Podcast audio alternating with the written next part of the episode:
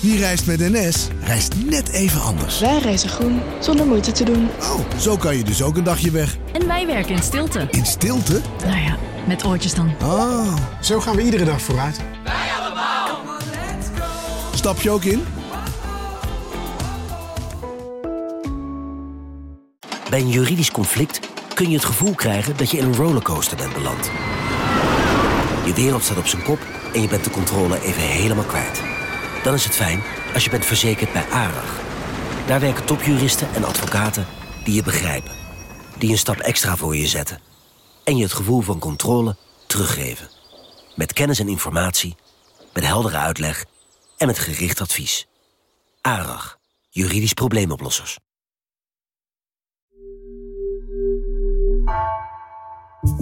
Vanaf de redactie van NRC het verhaal van vandaag. Mijn naam is Floor Boon.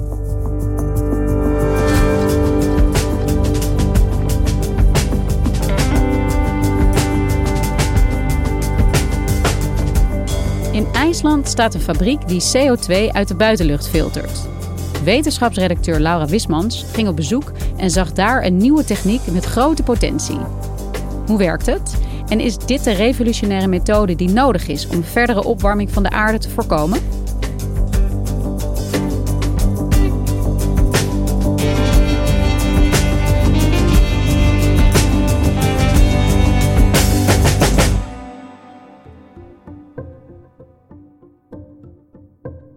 Nou, het was uh, half februari toen ik uh, naar IJsland vloog. Uh, vond ik spannend. Voor de eerste keer weer vliegen sinds de pandemie, maar ook toch wel met CO2-uitstoot in je achterhoofd. maar dit was, dit was het waard, vond ik. In IJsland was het, had het heel erg gesneeuwd. De dag dat ik aankwam waren eigenlijk alle wegen in het hele land dicht. Behalve de, de enige grote weg van het vliegveld naar Reykjavik. Dus daar kon ik gelukkig wel naar mijn hotel. En de volgende dag had ik geluk. Er waren ook een aantal wegen weer open. Waaronder ook de weg naar mijn bestemming. Want ik moest uh, naar Hetlisheidi. Dat is eh, een half uurtje rijden vanaf Reykjavik. Um, je moet je voorstellen, zodra je de stad daar uitrijdt, is er nog maar een eenbaansweg. Eén baan de ene kant op, één baan de andere kant op. En um, uh, ja, een heel glooiend, sneeuwig landschap. Met een beetje die vulkanen op de achtergrond. En ik zag nou, na een tijdje rijden in de verte stoomwolken eigenlijk. Nou zie je die in IJsland wel vaker, want die, uh, uh, ja, overal zijn van die hittebronnen. Maar deze die kwam van, een, van de Geothermal Energy Plant, waar Reykjavik haar, haar, energie en, en warmte vandaan haalt. Maar dat ding was niet mijn, mijn bestemming, maar dat wat ernaast lag. Daar lag Orca. En dat is een CO2 uit de lucht Laura, jij bent verbonden aan de wetenschapsredactie. En vorige week verscheen het nieuwste IPCC-rapport van het Klimaatpanel van de VN. Met uh, wederom een verontrustende boodschap. Hè. Uh, het gaat niet goed met het tegengaan van de opwarming van de aarde. En een van de belangrijkste dingen die daarvoor moeten gebeuren is dat de CO2-uitstoot moet verminderen. Maar ook dat, ja, dat, dat het misschien uit de lucht genomen moet worden. Is dit dan een plek waar zoiets mogelijk kan gebeuren? Ja, dat is eigenlijk precies wat deze installatie doet. Maar uh, het is wel uh, de eerste in zijn soort. Dus dit is uh, niet direct de oplossing hiervoor. Uitstoot verminderen is echt vele, vele, vele malen belangrijker. Maar deze techniek heeft wel de hoop in zich om CO2 uit de lucht te halen. Dus ja, het wordt steeds meer genoemd als misschien wel een deel van de oplossing. Ja, want vertel eens, wat is dat voor een fabriek? Hoe werkt dat? Ja, stel je voor een, grote stalen uh, constructie. Grote containers eigenlijk. Van volgens mij um, vier delen van 12 meter uh, breed. En er waren twee van dat soort delen op elkaar steeds. En stonden in een U opgesteld. En alles was een beetje boven de grond. Dus er stonden nog drie meter hoge betonnen palen onder. Dus eigenlijk een fabriek op pootjes zou je kunnen zeggen. Er hingen ijspegels aan, sneeuw overal eromheen. En uh, ja, ik, ik, kwam daar aan. Ik stapte uit de auto en ik hoorde eigenlijk meteen het, het gonzende geluid uh, van nou ja, het, zijn ook hele grote ventilatoren. Dus ja, stel je je tafelventilator voor, maar dan veel groter en met veel meer uh, lawaai.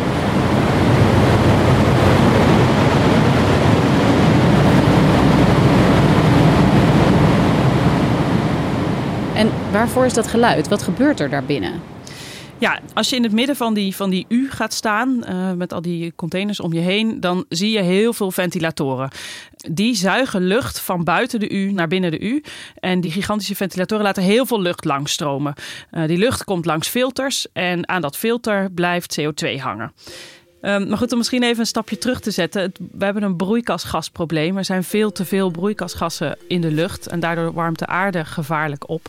Maar als je ze vast wil pakken, zijn het ineens best weinig deeltjes. Van de miljoen deeltjes in de lucht zijn er ongeveer 415 tot 420 uh, zijn CO2-deeltjes. Um, dus als je dat wil filteren, dan moet je een verdomde goed filter hebben. En het geheim van deze fabriek zit dan ook echt in het filter. Uh, dat is een, een chemische uh, samenstelling. Je moet je een beetje de, de, vorm van een soort spons voorstellen. Het is een, een heel luchtig ding van cellulosevezels. En aan de oppervlakte van dat vezel daar, zijn, daar is een uh, amidegroep aangebracht. En daarlangs stroomt de CO2. Dat ding moet twee dingen heel goed kunnen. Namelijk uh, heel selectief zijn, alleen CO2 mag eraan blijven hangen en heel snel kunnen reageren. Want die gigantische ventilatoren laten heel veel lucht langskomen.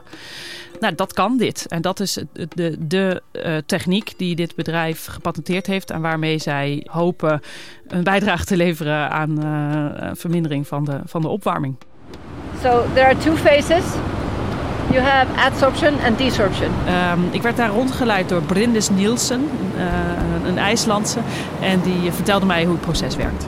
So adsorption is when you pull in the air and you collect the CO2 with these specialized filters. And the desorption is when you close off the chamber and you heat it up to around 100 degrees, which releases the CO2, which is then taken inside the Orca uh, processing hall and then to the Carpix uh, facilities where it's permanently mineralized.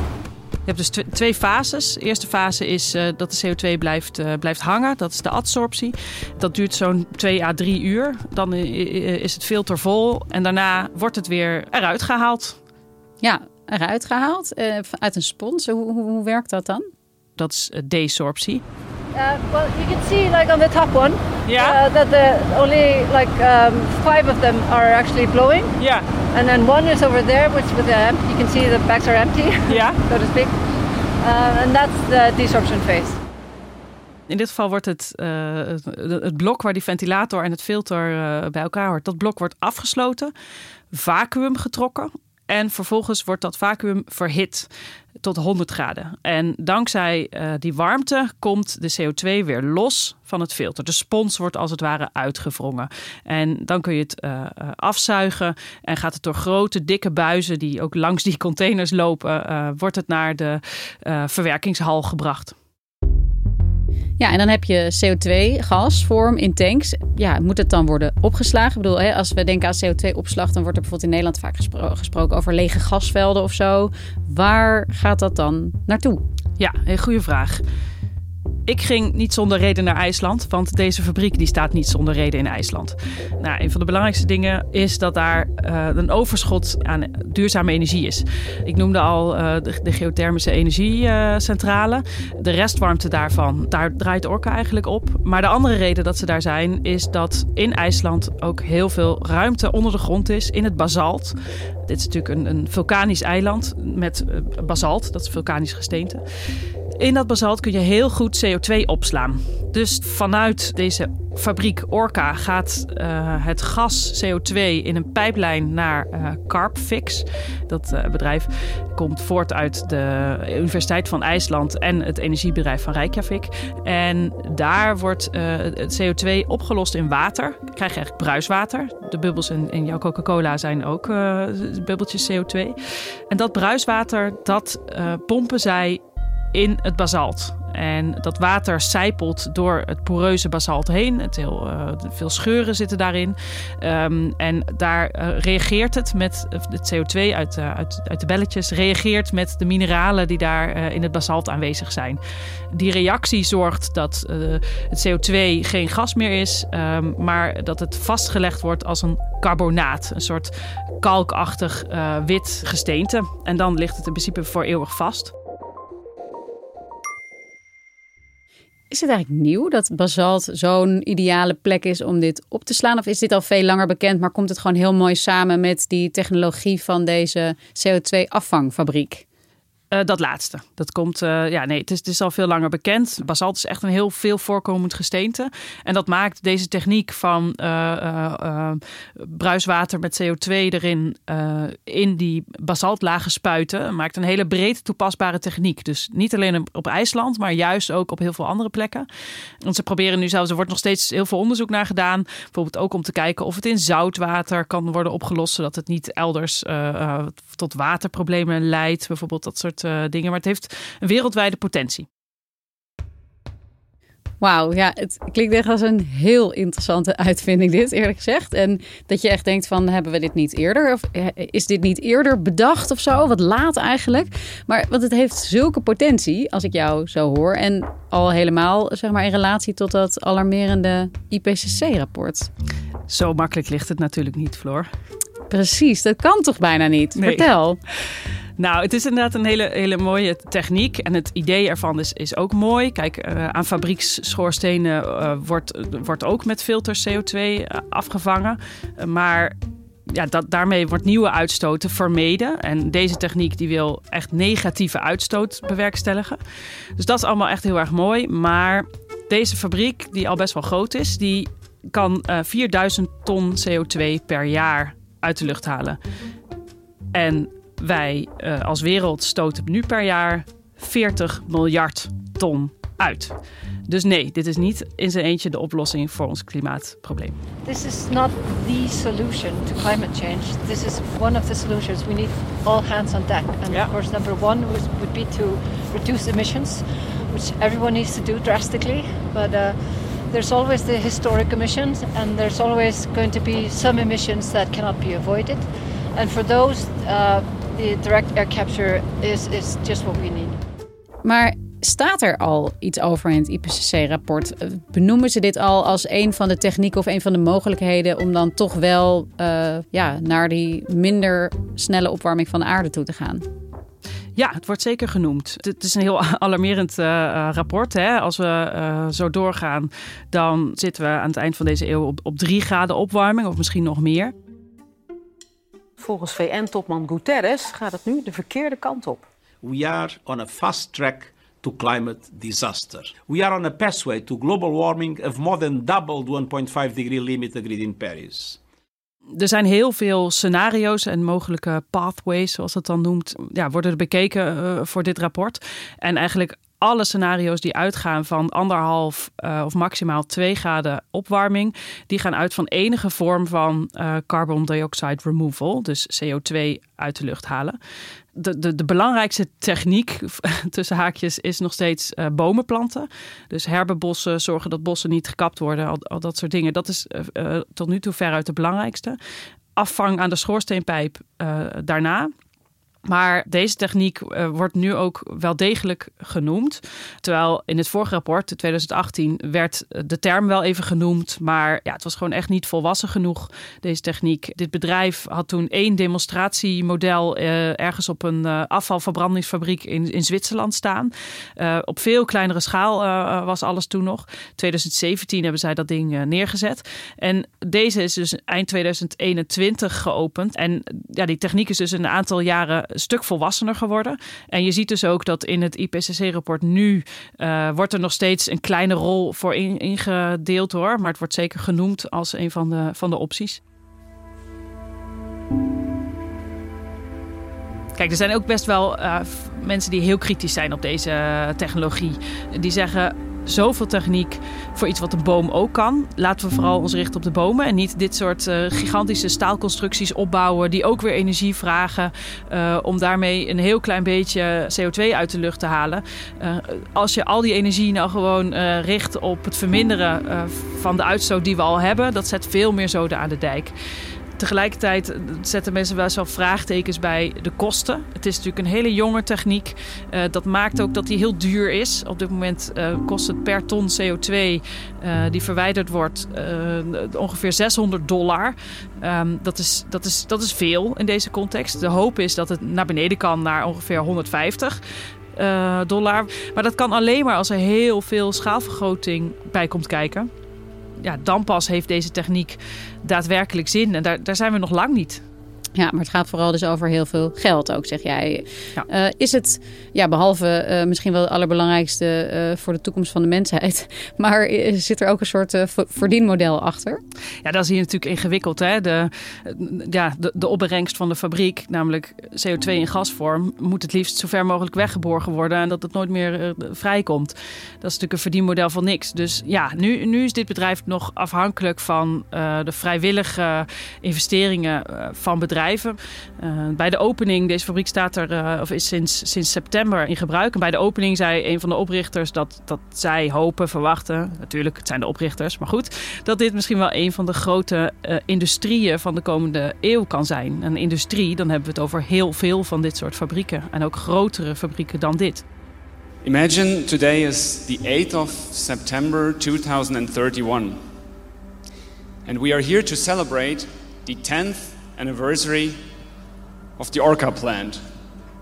Imagine today we are not capturing 4,000 tons, but we are capturing many millions of tons of CO2 from the air and safely storing it underground. And imagine that Orca is not alone. Ze willen echt hele grote stappen maken. Voor 2030 willen ze nog tot de, de megaton capaciteit hebben. En dus, ja, elke tien jaar moet het tien keer groter. Dus in 2050 willen ze uh, op een gigaton per jaar zitten. Ja, en dan hebben we het ineens over relevante hoeveelheden. Dit uh, Climeworks is, is een van de drie bedrijven die hier wereldwijd nu op een redelijke schaal mee bezig is. Dus in, uh, in Canada is er nog één en in Amerika is er nog één net een andere techniek, maar wel hetzelfde idee. Um, en allemaal hebben ze dat soort plannen voor opschaling. Uh, ja, zij zeggen ook: oké, de techniek is er nu klaar voor. We moeten nu echt een duw in onze rug hebben van overheden. Uh, want anders gaat het ons niet lukken binnen de schamele tijd die er nog rest om dit op te schalen naar een grote waar we er daadwerkelijk wat aan gaan hebben. Want deze druppel op deze gloeiende plaat is, is, is nog niks. Alleen als je het groots inzet, kan dit enig verschil maken. Dankjewel, Laura. Graag gedaan.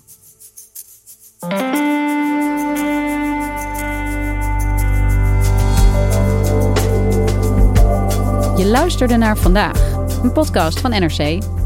Eén verhaal, elke dag.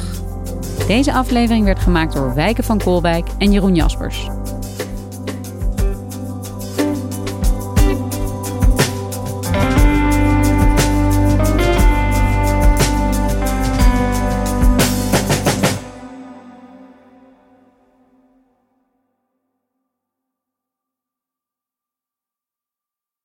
Je hebt aardig wat vermogen opgebouwd. En daar zit je dan, met je ton op de bank. Wel een beetje saai, hè? Wil jij, als belegger, onderdeel zijn van het verleden of van de toekomst? Bridgefund is een slimme fintech die een brug slaat tussen de financiële behoeften van ondernemers en van beleggers. Dus wie belegt bij Bridgefund krijgt niet alleen een mooie vaste rente, maar brengt ook ondernemers in beweging. Echt waar! Met die ton kan je zoveel betere dingen doen. Bridgefund. Make money smile.